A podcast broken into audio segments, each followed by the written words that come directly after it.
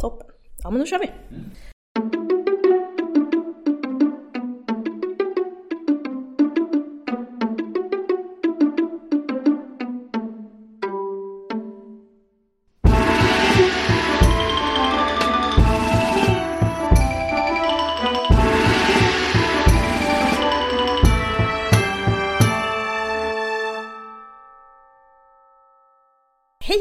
Och välkomna till Podius Castus, en podd om antiken.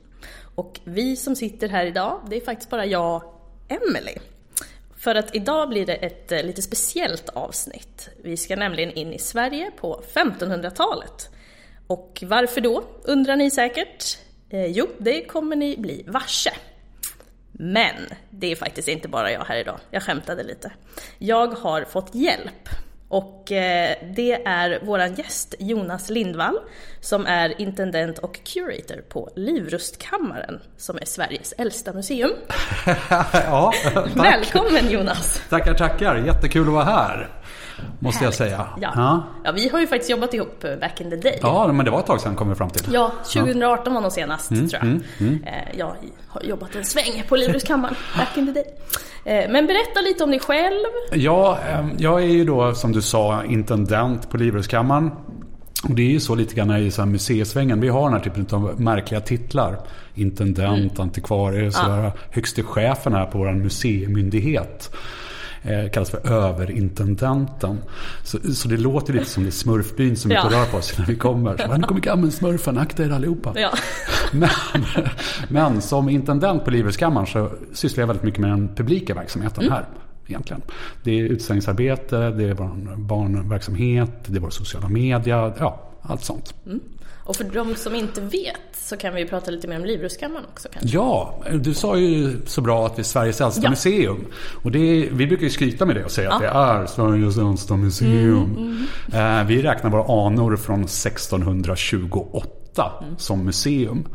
Eh, museisamlingen som sådan är äldre kan mm. säga. Ursprunget för Livrustkammaren det är Gustav Vasas vapenförråd. Alltså mm. Gustav Vasas livrustkammare. Ja. För det betyder just kungens personliga vapenförråd. Yes. Där förvarade man praktrustningarna och vapnen förr i tiden. Så de äldsta delarna de är ju då från 1500-talet. Sen har man över tid fyllt på den här livrustkammaren med en mängd olika typer av material.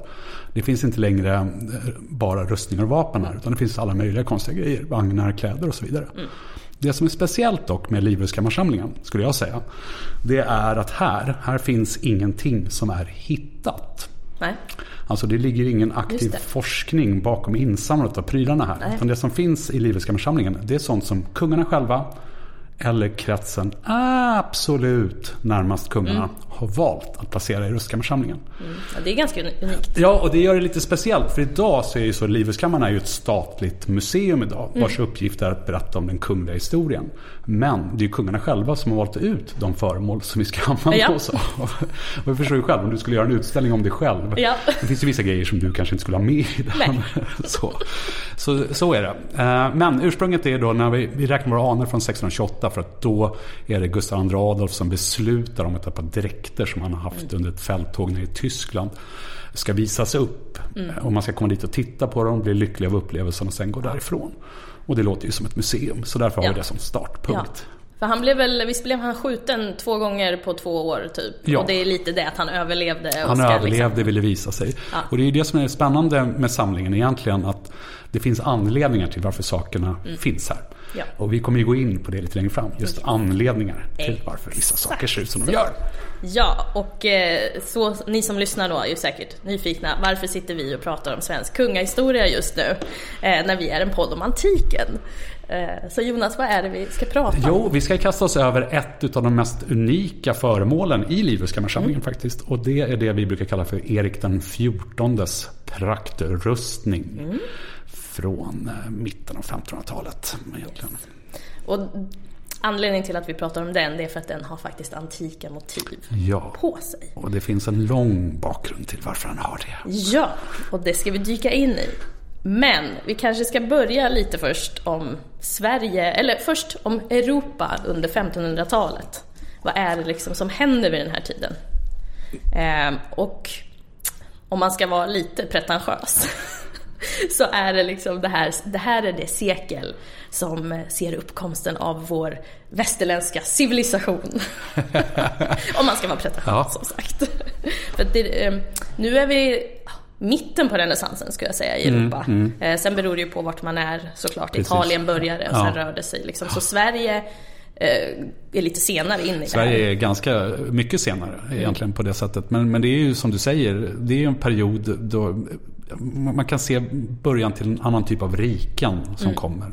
Statsapparater på ett ja. annat sätt också. Det är ännu kanske inte stater som vi skulle tänka oss. Men, men ändå, det händer någonting. Ja, exakt. Eh, och sen så om man ska kalla det för vetenskap, eh, kommer väl också. Ja, det kan vi kalla det för. Det var ju vetenskap då ja, i alla fall. Ja, nej men exakt. Eh, det som grundar sig, man börjar intressera sig för himlen, eh, mm. för liksom fysik, ja, astronomi. Och sen så har vi ju då, ska vi inte glömma Spanien och Portugal som börjar kolonisera stora delar av Central och Sydamerika och sen kommer Frankrike och England upp på Nordamerika. Ehm, och sen så så har vi också handeln börjar liksom sprida sig. Eh, Brasilien, Afrika och Indien. Och sen så, ja med Mexiko, Peru. Sen har vi också lite sjöröveri ja. vid den här tiden. Inte så lite heller skulle jag säga. Utan eh, Ganska de här mycket. flottorna börjar byggas upp eh, lite överallt i Europa också. Och ja. man krigar till havs på ett helt nytt sätt. Men vi hade väl en kvinnlig sjörövare? Ja, i Sverige. det sägs ja. Det hade vi. En av eh, Erik XIVs syskon. Mm. Cecilia, ja. Cecilia Vasa. Ja. Hon var ju också bästis med Elisabeth i England, ja, drottningen precis. Och hon hade massa sjörövare. Ja. Nej, hon var ganska häftig faktiskt. Och sen har vi ju den lilla detaljen som kallas för reformationen. Precis, den lilla fotnot mm. i historien. Nej, det är ju en jättegrej. Alltså, det ja. hände ju något enormt i Europa vid den tiden. Mm. Det är, för de som inte vet så är det Martin Luther som spikar upp Eh, vad, vad, vad, är det man kallar det? Han spikar upp? Eh, teser. Teser, eller ja, hur? Ja. ja. Och eh, protestantismen börjar. Eh, Precis. Och en ny kristen ideologi skulle mm. man kunna säga som sprids över Europa som också passar de här furstarna eh, framförallt i norra Europa väldigt ja. bra i samband med det här när de Verkligen. håller på att skapa sina riken. Mm. Exakt. Eh, och eh, det leder ju också till oroligheter och faktiskt krig till och med. Ja, ja, I och med att vi absolut. har olika... Som pågår väldigt, väldigt länge. Ja. Ibland brukar man ju säga att reformationen, det hände då under just Vasatiden ja. som vi kommer komma till. Men det är ju en väldigt lång process, reformationen, som pågår långt in till nästa århundrade också. Ja. Och Sverige då? På 1500-talet. Ja, ja eh, det är inte samma Sverige som idag. Nej. Det ska man vara väldigt medveten om. Det är ett ganska litet rike ändå. Mm. Sådär, som, är, som inte ens är riktigt, om man tittar liksom i början av 1500-talet så är det ju fortfarande inte ett rike. Jag tror inte människor identifierar sig som svenskar ens på vissa ställen. och sådär. Eh, glest befolkat, mm. bara jordbrukare. Alltså det är ett mm. jordbruksland. Ja. Mycket. Så här, bönderna uppgick tydligen till 95 procent av befolkningen vid den mm. tiden. Så. Yes. Ehm, och ja, största staden var Stockholm. Mm. Med hela 6000 invånare. Ja. Un, ungefär sådär. Ja, ja. Ehm, så att, ja. Eh, det var inte det var inte liksom Italien på den här tiden. Nej, nej, det är ju inte det. Det finns ju folk som har beskrivit eh, Stockholm vid den här tiden eh, som kommer från andra länder. Det är ju liksom gräs på taken i gamla... Alltså Stockholm ja. var ju gamla stan ja. i princip bara. Gräs på taken, det är getter som betar på gräset på taket. Ja. Och sådär. Så att det är en väldigt bonnig liten stad. Ja, precis.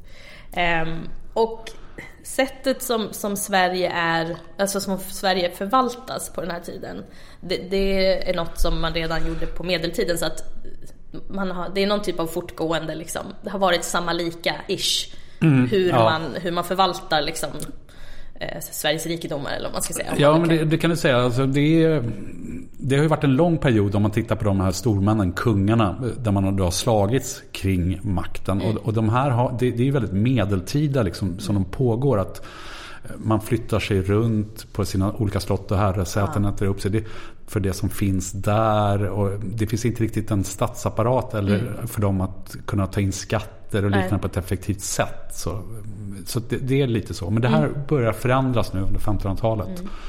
För vad händer på 1500-talet? Ja, om man ska, göra, ska göra det väldigt enkelt från det här perspektivet, den kungliga historien, så Ja. är det så att in på scenen kliver allas vår Gustav Vasa. Ja. Eh, Och eh, blir efter då ett inbördeskrig kasta bort den danske kungen. Mm. eh, Som då är den rättmätige, enligt honom själv, Ja. kungen av Sverige. Och blir då, Gustav Vasa blir kung av Sverige istället. Ja. Eh, Väl som sådan, 1523. Ja. Eh, och det som händer då är att, för att Sverige har ju varit i det här Kalmarunionen då. Ja, Eh, med Norge och Danmark. Mm. Och, ja. Och det är ju bara borta nu. Ja, det här är ju sista spiken i kistan på Kalmarunionen egentligen.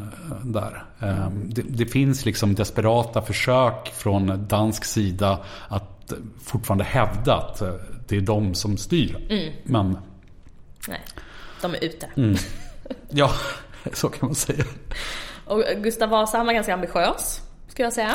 Väldigt ambitiös. Väldigt ambitiös. Så han vill ju ha ett starkt kungarike. Ja. Eh, Och ehm, med reformationen så får han ett ypperligt tillfälle att... Ja, precis. Det blir ju så när man, den här ideologin på något sätt blir ju ett sätt när inte längre är kyrkan som är högst. Utan det blir kungamakten som är den högsta företrädaren på jorden. Eh, Det passar ju en kungamakt som vill något. Att Det ha det i ju det. ryggen. Och man kan börja använda sig av den liksom, kyrkoapparaten i sin egen eh, maktutövning. Precis, samla in skatt. Ja, dels det men också propaganda naturligtvis. Eh, prata svenska i kyrkan, för man har ju pratat latin innan. så. Eller folk har ju inte fattat någonting. Nej, nej, nej, nej, nej. Det är under den här perioden som det liksom en svensk bibel kommer också när man översätter den från latin. Mm. Sådär. Så. Verkligen. Eh, så har Gustav Vasa skidat. Denna fråga genom Dalarna. Ja, Enligt honom själv har han ju gjort det. Han Ja. Mm. har ju skrivit väldigt mycket om sin egen historia. Så eh, ja, men han, han har ju varit i Dalarna och det är väl inte helt otänkbart för han åkte skidor Nej. då också. Så, men om det verkligen gick till sådär som, ja. Nej. Nej, det gjorde det nog Nej. inte. Men han har varit i Dalarna. Ja, det måste ju vara en av de mest effektiva propagandan någonsin. Absolut, absolut. Han var eh, Sveriges meste PR-kung brukar vi säga här Ja. ibland. Sådär, så att, ja, nej, oerhört. Han var ju väldigt mån om det här Mm. eh, själv. Och det är någonting som också sen hans söner ärver faktiskt kan jag säga. Det finns, eh, ja precis, eh, hur man vill framstå. Eh, Det Ja, är viktigt. Det. Det, är, det är klart. Ehm, och han får ju då, han får en väldigt massa barn. Mm. Ehm, men han får ju också eh, tre söner. Som är lite extra viktiga om man ska prata kungahistoria just. Ja, precis. Han, han, han får ju fem söner Mm. faktiskt. Eh, Bara fyra har jag för mig når vuxen ålder. Mm. Tre av hans söner blir ju kungar av Sverige. Den fjärde, Magnus, var nog aldrig riktigt eh, på, med på banan riktigt på det Nej. sättet. Men tre. Den äldsta då, Erik, Ja, blir ju då allas vår Erik den 14. Erik den 14 ja. Ja. Ehm, och det är honom vi kommer prata om sen. Men så att, ja.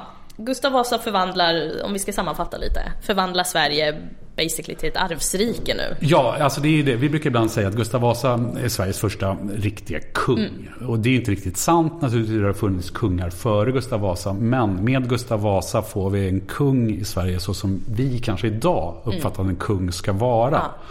Eh, Så det här med en arvsmonarki.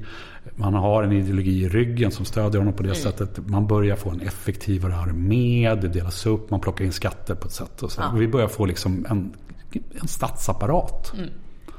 Precis. Yes. Ja, men, men ehm, eftersom det är Eriks rustning då, så låt oss prata lite om Erik. Ja, Erik. Han eh, blir då, i och med att man har fattat beslut om att det är ett arvsmonarki, så blir han erkänd som kung av Sverige efter det att hans pappa gått bort. Eh, här har ju Erik då naturligtvis ett problem. Och det är ju det att eh, Sverige är som monarki, alltså som kungamakt. Vasaätten är ju en ny ett Ja. på eh, tronen. Och ses kanske i stora delar av Europa lite som uppkomlingar.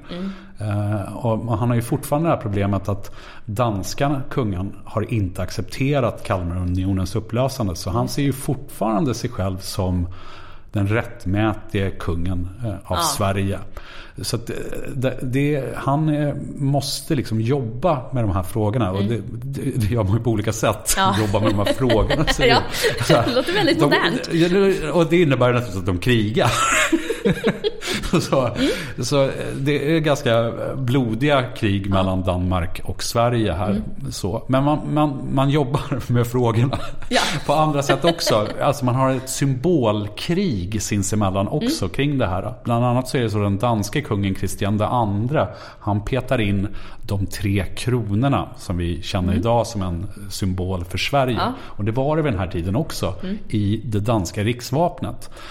För att visa att det är han som är den rättmätige kungen över Sverige. Just det. Och det här gör ju då Erik fly förbannad. Ja. Så han petar in eh, de danska lejonen, eller vad säger jag, de blå leoparderna som Danmark har. I Ja. svenska. Och Norges gyllene lejon med hillebarden. Ja, ja. För att visa att han har lika stor rätt Just till. Danmarks tron som Danmark har till Sveriges tron. så, så där håller de på och strider Ja. också. Men naturligtvis finns det en del blodiga slag kring det här. Ja, känns lite som att sitta i en sandlåda typ och kasta... Ja, så när vi tittar på det så här i efterhand så gör det ju det.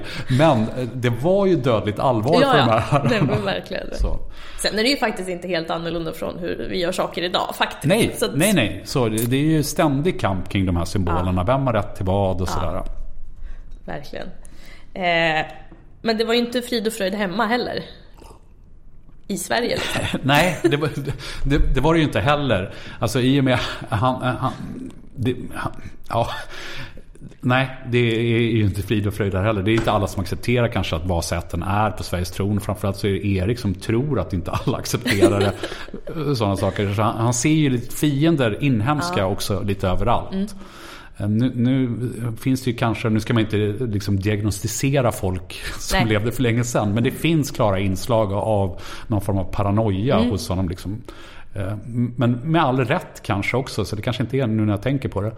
För att det fanns säkert folk eh, som var fiender. Men vi har ju det här utslaget bland annat Sturemorden när han mördar de främsta företrädarna. eh, Eller ja, företrädarna för en av Sveriges främsta adelsätter, Sturarna.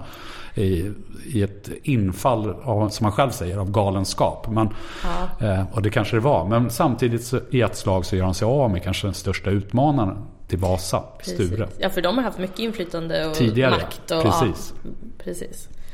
Så att, ja, sen, sen så har han ju problem med sina bröder också.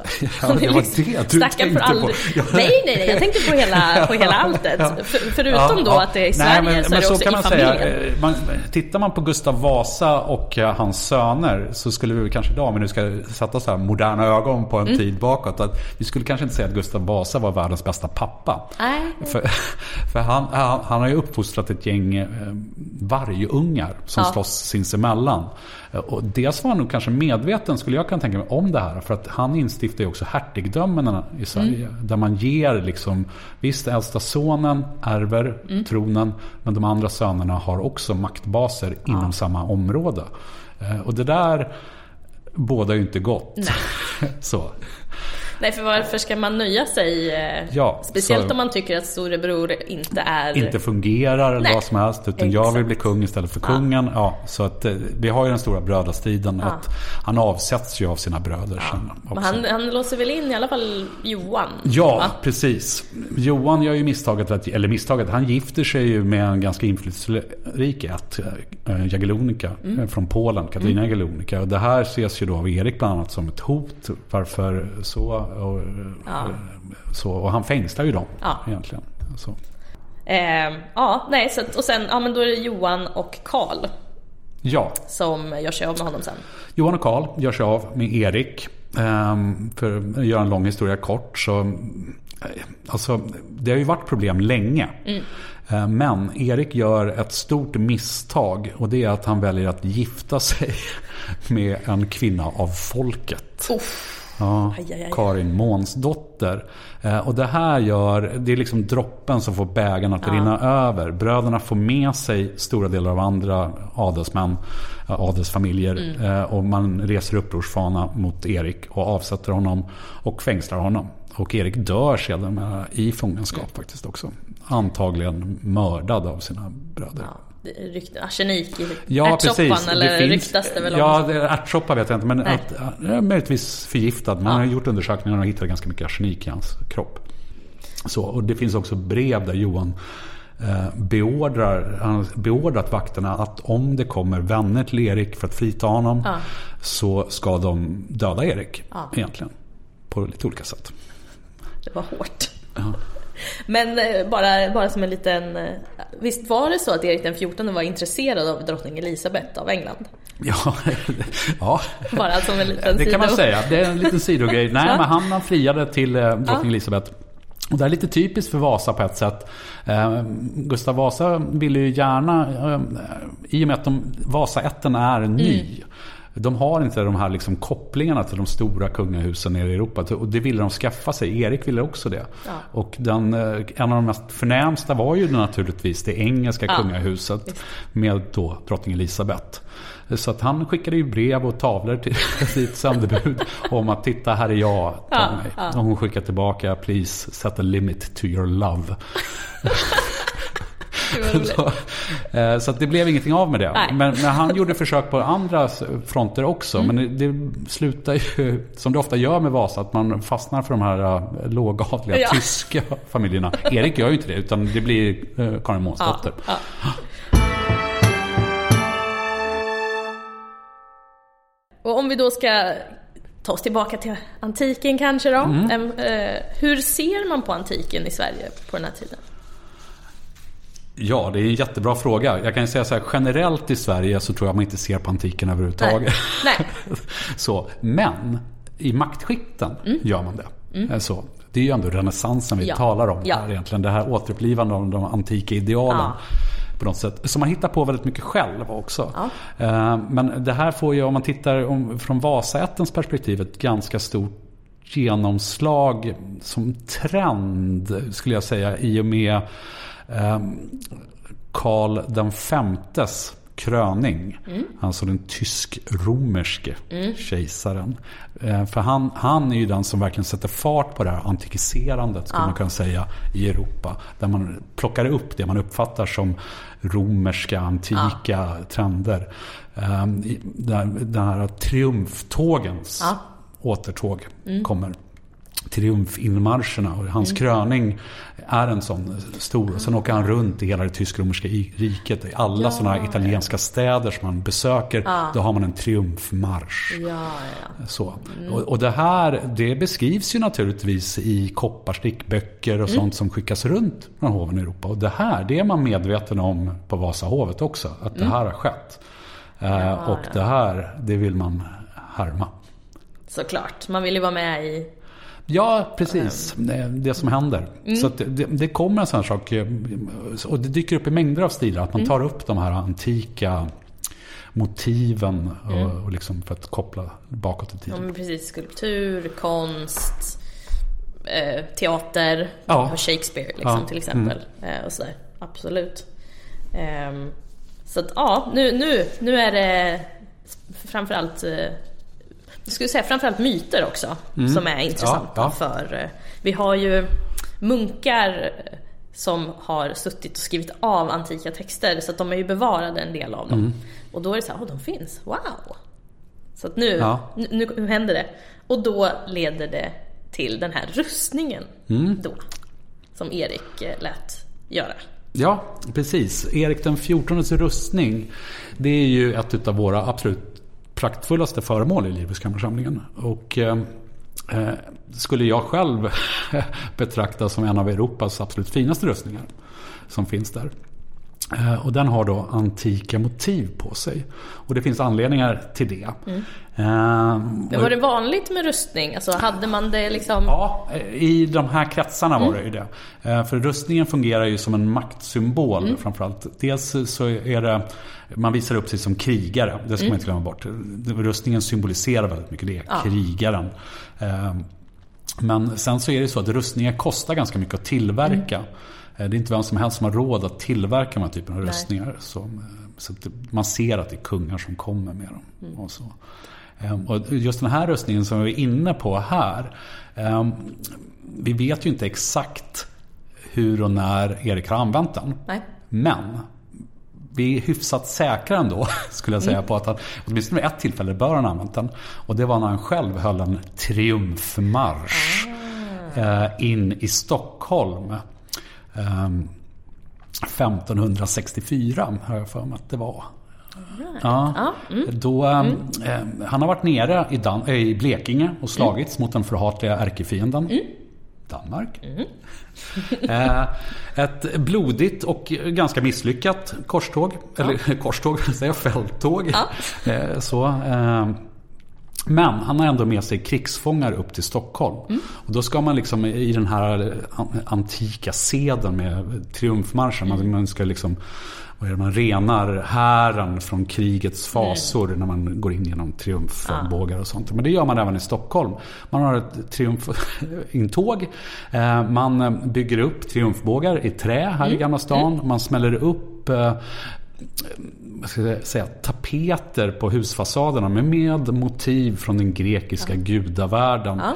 Eh, in i staden rider Erik mm. iförd troligtvis den här rustningen. Mm. Uh, med sig har han då krigsfångar efter sig som då kommer bundna. Och uh, här är motivbilden på rustningen väldigt, väldigt viktig. Ja. För det finns uh, vissa saker som den symboliserar. Han, Erik vet ju naturligtvis att det finns danska spioner i stan som ser det här ja, spektaklet. Ja, Så att det är väldigt mycket riktat utåt, det här mm. triumftåget. Spännande. Men han har inte använt den då alltså i strid utan den här är... Alltså det kan vi inte svära på så. Jag skulle tro att det är mer av en paradrustning ja. på det sättet. Ja. Den går absolut att använda i strid. Mm. Den har exakt samma funktion. Den är funktionellt gjord för att användas i strid. Mm. Mm. Men den är också exceptionellt utstuderat fin i motiven. Ja. Det är ju svårt att visa i en podd. Ja, vi kommer lägga upp bilder dock. Ja, ja, eh, både på Facebook och Instagram. Och sen kan man googla Men, men jag kan säga det, det är en helrustning. Alltså där, som, där ja. hela kroppen är klädd i plåt. Mm. Stål. Så rustningen som sådan är troligtvis slagen i Arboga. Mm. Eh, där Gustav Vasa lät uppföra just vapenmanufakturer mm. för att mm. få en inhemsk vapenindustri. Mm. Så den är troligtvis gjord där. Men sen är den skickad till Antwerpen. Mm. Där vi har en guldsmed. Ah. Liberts som då driver fram de här motiven. Eh, och de här motiven är ju någonting som förekommer lite överallt. Mm. Det är någon fransk konstnär som som har dem. De finns på andra rustningar också. Ja, ja. Sådär. Eh, men Erik är säkert med och väljer ut eh, motiven mm. också. Det, det är jag själv helt övertygad om. Vi har ja. inga liksom, belägg men jag har svårt att tänka mig något annat. Nej. Med tanke på andra saker han gör. Ja. Så, eh, och sen skickas den tillbaka hit till Stockholm. Mm. Ja, så det, det, är en lång sträcka för den här rustningen att gå. Från Arboga, Antwerpen ja, och så vidare. Men har man råd så. Ja. Och det är som du sa, det, det är liksom ingen liten eh, rustning eller man ska säga. Det är liksom, den har många delar och det, det, som du säger, den täcker hela kroppen. Liksom. Ja precis, det är 18 delar. Ja. Och det är ju finessen med helrustningar är ju det att den har många delar som hålls ihop med, med läderremmar. Mm. Ofta när man ser den här typen av rustningar så tror man att det är någon plåtniklas som kommer som inte kan röra sig. Ja. Men jag skulle säga att det här är närmast perfekta exoskelett egentligen. Mm. Rustningssmederna förr i tiden var mästare på hur människokroppen fungerade. Mm. För att få alla delar att lira perfekt så liksom inte fastna någonstans. Eh, i det här. Man brukar... Ja, för, för de är ganska tunga också, eller hur? Ja, alltså, de brukar ligga på mellan 20 och 30 kilo. Ja. Och det låter ju mycket, 20-30 mm. kilo. Men i och med att det är en mängd olika delar som spänns upp också mot kroppen. Mm. Då blir det inte så farligt egentligen. Eh, tar du en brandman idag så har han på sig utrustning som väger betydligt ja. mer än 30 kilo ja. när han ska gå in i ett brinnande hus. Ja. Men kan ändå röra sig hyfsat obehindrad. Eh, och man brukar säga, kanske lite skämtsamt förr i tiden, att har det varit en skicklig smed framme så ska du gå och slå en kullerbytta i en röstning. Ja, just det. Har ni testat här? Ja, det har vi gjort. Ja, gick en det? Gång. Vi hade en praktikant här som vi satte på en röstning. Inte Erik den 14 röstning då, men en annan. Och så sa vi åt honom, slå en kullerbytta nu. För, för, så behandlar vi våra praktikanter. Eh, men, eh, och det gjorde den. Men eh, den får strypas samtidigt. Ja, ja. Men jag kan säga, jag har själv gått runt röstning och man är förvånansvärt rörlig. Alltså ja. upp på hästar, inga problem. Upp för stegar, inga problem. Det går att springa i röstningar, sprinta i röstningar. Du, du springer inte ett maratonlopp i det, men, Nej. men ändå. Men det, och det är ju inte konstigt när du säger det, om man börjar tänka så, ja de har haft det här i krig. Ja, Hur skulle det annars ha funkat? Det går ju inte. Nej, precis. Du ska ju slåss i den här, Ja. så varför ska du göra något som du inte kan röra dig i? Nej. Det är ju jättekorkat. Men, det, men det är ändå fascinerande att tänka på så här, skickligheten i det. Ja. Och lättheten. Ja. ja. Nej, men så är det. Så att, eh, och, och Erik den XIVs praktrustning här, eh, den, den är gjord precis för det. Så det är liksom ingen låtsasrustning på något sätt. Mm. Nej. Men det är motivet som gör den så fascinerande. ja. Ska, vi, ska vi gå in på motiven då? Ja, det kan vi göra. Det som slår en först är ju kanske de olika...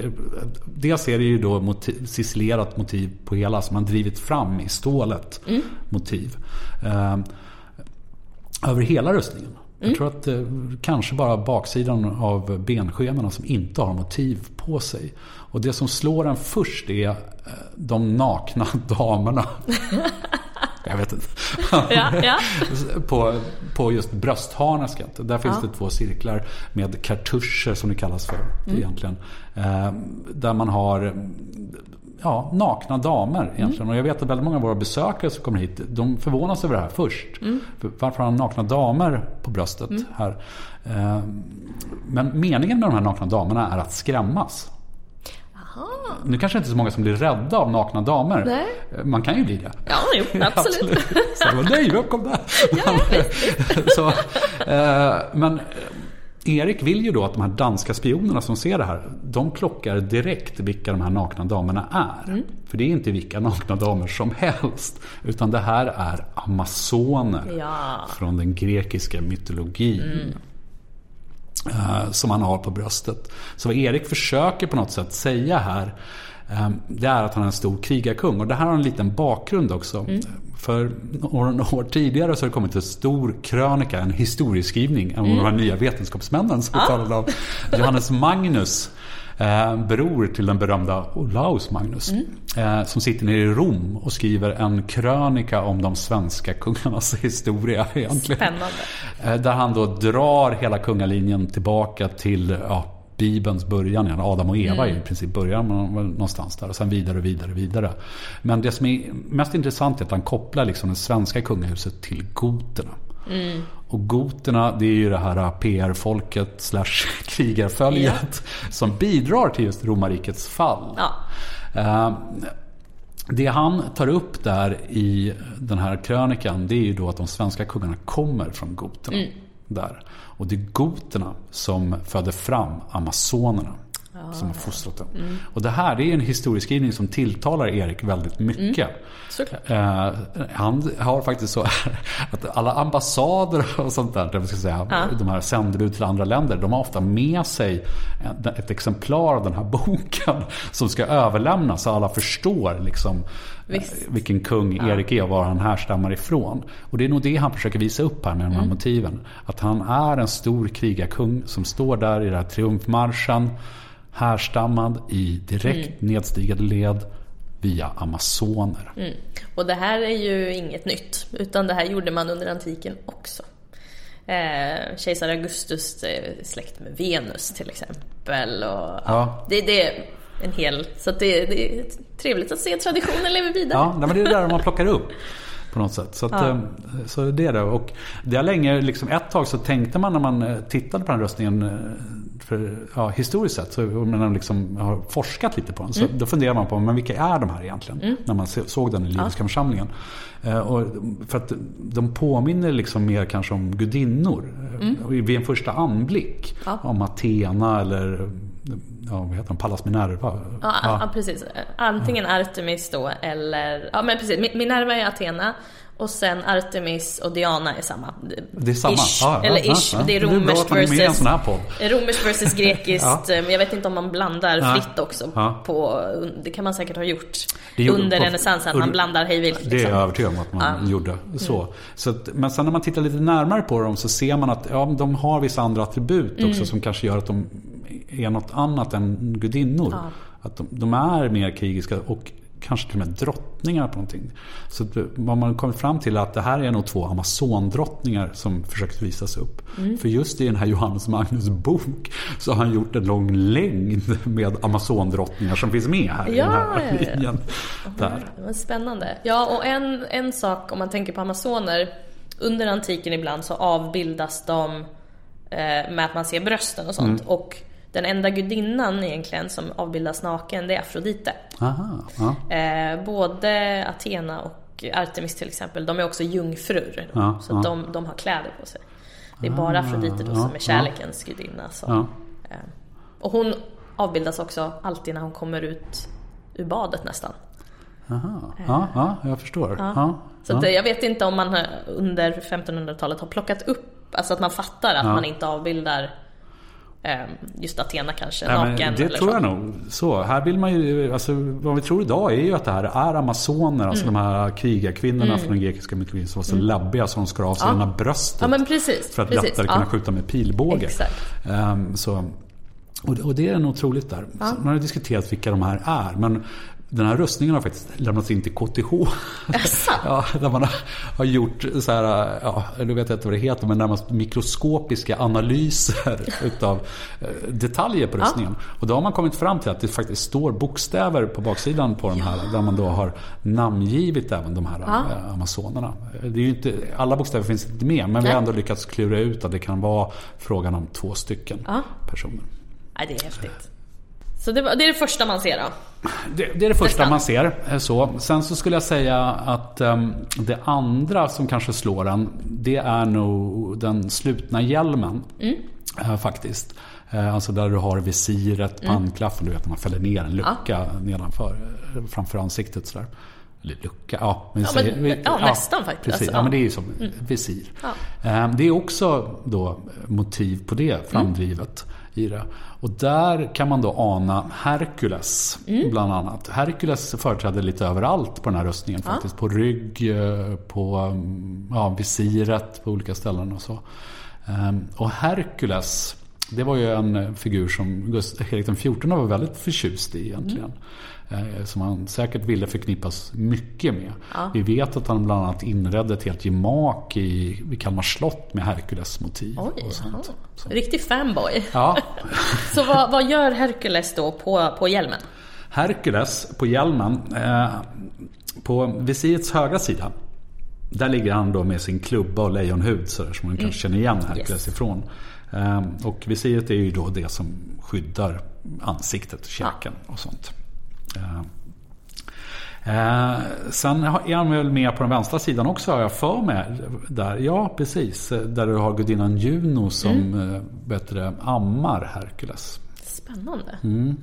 Och, eh, ja, nej, men Herkules det är en sån figur som passar Erik eh, egentligen. Eh, Men jag kan tänka mig det, för att om man vill framstå som en så här, ja men, stark och, och liksom, ja, en hjälte rent ut sagt, så är det ju Herakles eller Herkules som är the guy. Han Ja. liksom, Ja, men så är tolv stordåd och, eh, eh, ja. ja, verkligen.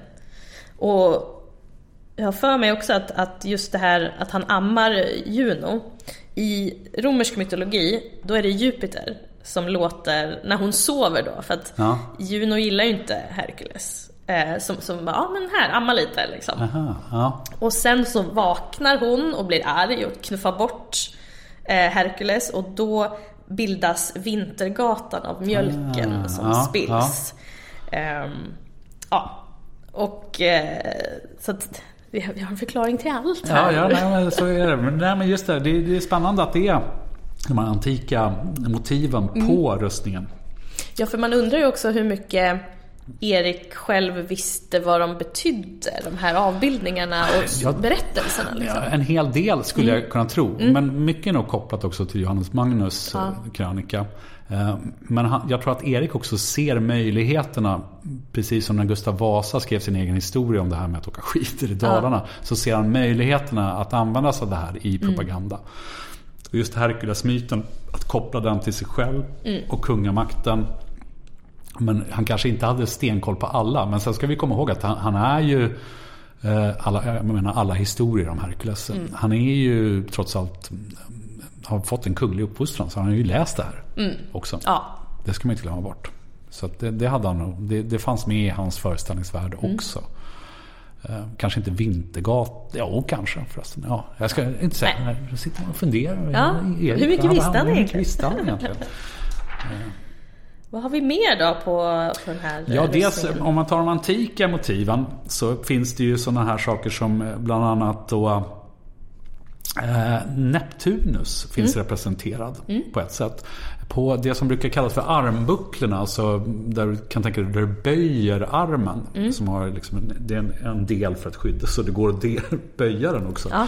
Där har du bland annat treudden, Neptunus Mm. treudd på där. Och det finns sjöormar kopplade till den här också. Mm. Och det här, det tror jag, det hänger ihop mycket med den här kampen mot Danmark. Ja. eh, Egentligen. Här vill Erik att eh, man ska se de här treuddarna och visa på att det är han som härskar över Östersjön. Han och ingen annan Mm. Egentligen. Så, Ja, Det är spännande det där Mm. att använda. Det är, det är också någonting som eh, man gör i modern tid fortfarande. Eh, Vi har ju ett avsnitt om Mussolini till exempel. Och Ja. hur han använder då eh, romarna som propagandamaterial. så är det ju. Vi tänker ju alltid på romarriket. Vi gör ju det. Fick det senast igår faktiskt på tunnelbanan. Jag satt och pratade med mina kompisar om Rom. Ja. Så var det en herre snett mitt emot som bara Men det här är andra gången idag jag pratar om Rom. Ja. Nej, men där har du... På armskänorna finns sådana saker. Sen finns ju naturligtvis också symboler som inte är kopplade direkt till antik eh, på det sättet. Utan det är ju de andra maktsymbolerna som man använder sig av i svenska kungahuset. Det är de tre kronorna finns med. Du har folk, Folkungalejonet, alltså, eh, finns med där också. Det här stegrande lejonet som Ja, just det. Göteborgs stadsvapen idag till exempel. Ehm, Så det finns med där. Men, men he- hela, i helhet varför man har valt det här det är ju naturligtvis att vid den här triumfmarschen, om vi tar det som exempel. Man skulle titta på det här, se symboliken, koppla det till antiken och eh, att Erik härstammar från goter, Ja. amazoner och så vidare. Och där står han 1564. Frukta mig om Ja. du törs. Men har vi goter på... Nej, de finns inte med där. Nej, det är ju lite intressant. Ja. Vi har Amazonerna som sagt Ja. i och för sig om han Nej, går ja, hela vägen tillbaka precis. till Amazoner. Nej, själva goterna har man inte med. Utan det, det är antika. Mm. Och det här är nog väldigt kopplat mer till den europeiska traditionen. Att förstå, skulle jag tro. Nu Mm. Ja. spekulerar jag lite när jag tänker efter. Men eh, det här med Karl V's kröning. Och man vill ha det, det romerska Mm. triumfmarschen. Ja, det är spännande att man, man som sagt det här med att blanda lite, det som, man tar det som passar och Mm. eh, väljer ut. Eh, så att, och och just blandningen också på det här svenska och det antika Mm. är ju spännande också. För som du sa, det här, de här svenska delarna, vart sitter de någonstans? Och sitter de, de sitter tillsammans med antika motiv? Ja, det gör de. För att de finns ju på, eh, på tänker på- axelpansar bland annat. eh, Och där har du ju Medusahuvuden som är med och sånt också. Så, så det är en sammanblandning. Men man har inte gjort så att man delade upp. Det här, Mm. Nej. det här är den moderna tiden. Det här Nej, är den äldre. nej. Eh, Så. Och till och med, till och med på knäna va? Har vi... Ja, det har vi. Där, där finns delfiner. Och eh, såna här läskiga ansikten, maskaroner. Som, de har ju varit populära i olika epoker. Men delfinen, där är jag själv lite osäker på hur den kopplar. Men det är säkert också någonting med Neptunus. eh, Ja, Ja. och delfiner har under antiken alltid varit väldigt, alltså i konst och allt möjligt liksom. Mm, Men det är spännande att man har sjömotiven just i, jag tänker vid leder. ja. Äh, Okej, det här är superspekulering, men Mm. jag tänker så här där man har det där man ska röra eh, Ja. på sig och att då så här, vattenmotiven ska röras. Jag vet inte, det var... Alltså det är, ju- den är lika bra som vilken. Ja. som helst. Jag har satt själv och tänkt på att det kanske är lättare att göra det där. Men samtidigt kom jag på nej, det spelar ju ingen roll. Nej. Jag har faktiskt ingen aning om varför Nej. de har satt dem just där. Nej. För det är spännande att just Ja. på led, vid Ja, lederna så, nästan. Nej, precis. För de andra liksom stiliserade människofigurerna, de är ju på mer fasta saker. Ja. Nej, jag har aldrig tänkt på. Nej. Ja, det är Fascinating. Eller hur? Sen har vi ju då, det vi har kvar antar jag är väl ryggen va? Annars har vi nog gått igenom det mesta. Ja, ryggharnesket ja. Ja. Ehm, alltså, det är ju så, rustningar består ju som sagt av mängder av olika delar. Ja. Du har bröstharnesk, det är framdelen. Du har ryggharnesk, du har axelpartier, du har armskenor, armbucklor, handskar och så vidare. benskenor, lårskenor. Ja. Mängder, mängder, mängder. På ryggharnesket, där har vi Herkules igen. Mm. Alltså på ryggen. Med sin klubba och omgiven av eldsflammor. Ehm, och med den här manteln som man också... det här vet du säkert mer om än vad jag. Det finns så många mot, myter men, men det ska väl vara kentauren Nessus blod eh, som har förgiftat den här eh, då, manteln. Eh, och eh, den ska då klibba fast i huden och då ska han ligga där i plågor. Och på grund av den här smärtan så, så vill han då ha ett bål och låter sig brännas till döds. Men elden tar bara död eh, på hans mänskliga sida. Och, och sen blir han då eh, välkomnad Ah. som gud Ah, ah, tydligen. ah, ah. Ja, det är väl det som är det är motivet. Och det är, väl- den är väl om någon något motiv. Det är så här Read it and weep nästan från Eriks håll tänker jag. Se mig rida iväg liksom. Ja, ja, ja, ja, precis. Nej, så nej, spännande. Det det, det, alltså det är det som är så häftigt med antiken. Tycker jag. Att den, den lever bara, den lever igen och igen. Ja, Ja. ja så är det. Ja. Men det, det är roligt om antika. Du frågade ju mig innan om, om har vi mer saker i Livrustkammaren som har med det här att göra. Och natur, jag tänkte på det just när du sa det också här att det lever igen och igen. Ja, det har vi. Vi har ju mer sådana saker Ja. Som är kopplade till antiken när man har tittat bakåt på något sätt. Från 1500-talet kanske inte så mycket, men vi har inte så här jättemycket 1500-talsmaterial heller ska man komma ihåg. Men det finns till exempel bordsur som har den här typen av Eh, det lät som fanns många bordsur. Vi har ett bordsur. med med liksom antika krigare på Ja. och sådana saker. Men, men sen så är det ju vanligt, för, även under 1600-talet så vill man ju gärna förekomma med det här också. Ja. Eh, Man, man avbildar sig gärna. Kristina till exempel som vishetsens gudinna. Hon lät ju själv måla sig Just själv liknande som det. Eh, Och tar vi Karl elftes kröning till exempel. Eller inte kröning, myndighetsförklaring. När han blev myndig och liksom kunde bli kung. Då har man ett stort riddarspel skulle man kunna säga. Men då klär man ut sig till romare. egentligen. ja. Deras syn på hur de skulle se ut. Så man runt i formationer och så. Ja. Så, så det återkommer hela tiden det här liksom, kopplingen bakåt till ett stort ärorikt förflutet. ja. Det, det är spännande att vi gärna att man gör det för att legitimera sin egen makt. Mm. Ehm, Som sagt i modern tid också. Det Ja, ja, alltså... ja, Hitler, Mussolini, Ja, precis. De olika ja. rikena. Ja. Alltså, ja. Och, och förr, det som, det som skiljer från idag då kanske, det, det är ju så här kungar som ändå är kungar som vill så befästa sin makt ytterligare. Eh, Det som vi har haft i modern tid är väl lite mer, som sagt Hitler, det är nazismen, det är fascismen. Att de gärna använder sig av sådana knep för ja, Eh. För att legitimera sig själva och propagera. Och, men det är någon sorts totalitär bild av eh, samhället där.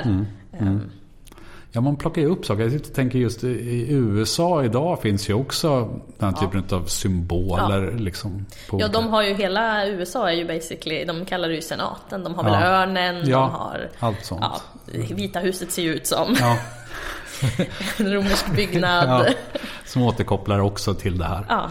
Så. Nej, nej, så det, jag tycker det är häftigt att, att antiken ändå är släkt med våran historia, eller vad man ska säga. Också. Ja.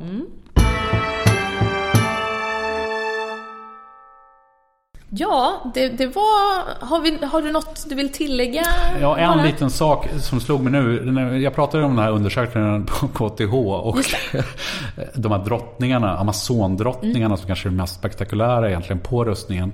Eh, Jag nämnde ju aldrig namnet på dem. Nej, just det. Och eh, de är ju då, det man kom fram på till i den här undersökningen, det var ju då att det skulle kunna vara frågan om Lampeda och Marpesia. Om eh, nu någon vet vilka det är. Där får jag faktiskt erkänna att eh, jag måste kolla upp det. Men eh, feel free att googla. Ja.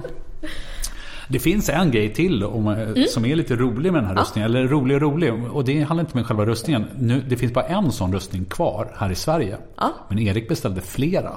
Jaså? Ja, det var inte så att han bara skulle ha en, utan Nej. han skulle ha flera. Men ni kommer ihåg den förhatliga ärkefienden, Mm.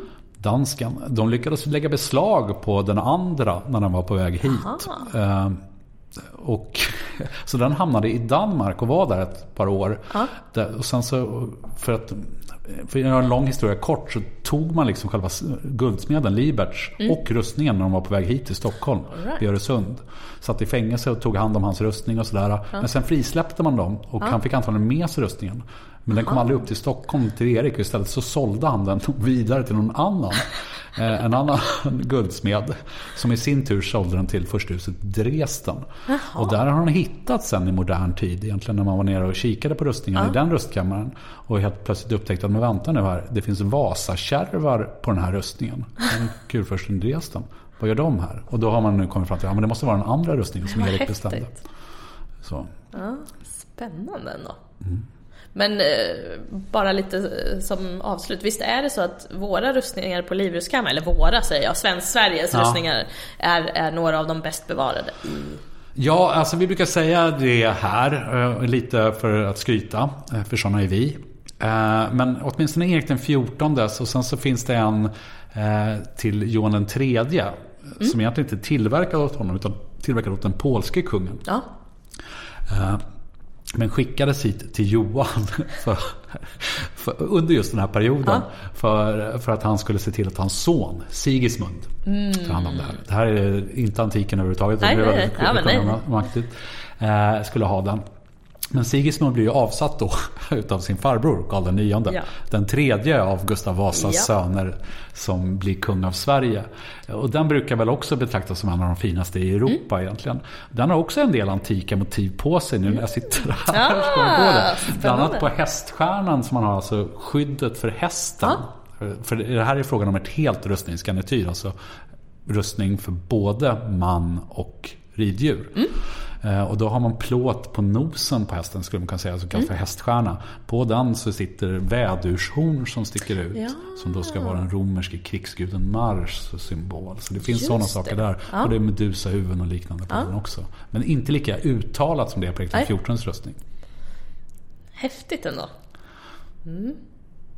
Men eh, stort tack! Ja, tack själv. Tack själv. Det var jättekul att vara ja. här. Ja, men jättekul att du ville vara med och berätta om ja, men lite svensk historia får man väl eh, gotta ner sig i, även fast vi är en antiken podd. Men det är antik krydda. Det är det, det är det verkligen. Ehm, ja, har ni frågor eller funderingar så, så skriv till oss på podiuskastus.gmail.com eller på Instagram eller Facebook. Och om det är frågor till Jonas så förmedlar vi dem vidare så får han svara på dem och så, så ser vi till att, att eh, ni får veta. Japp. Eh, ja, och med det så säger jag tack för idag och på återhörande.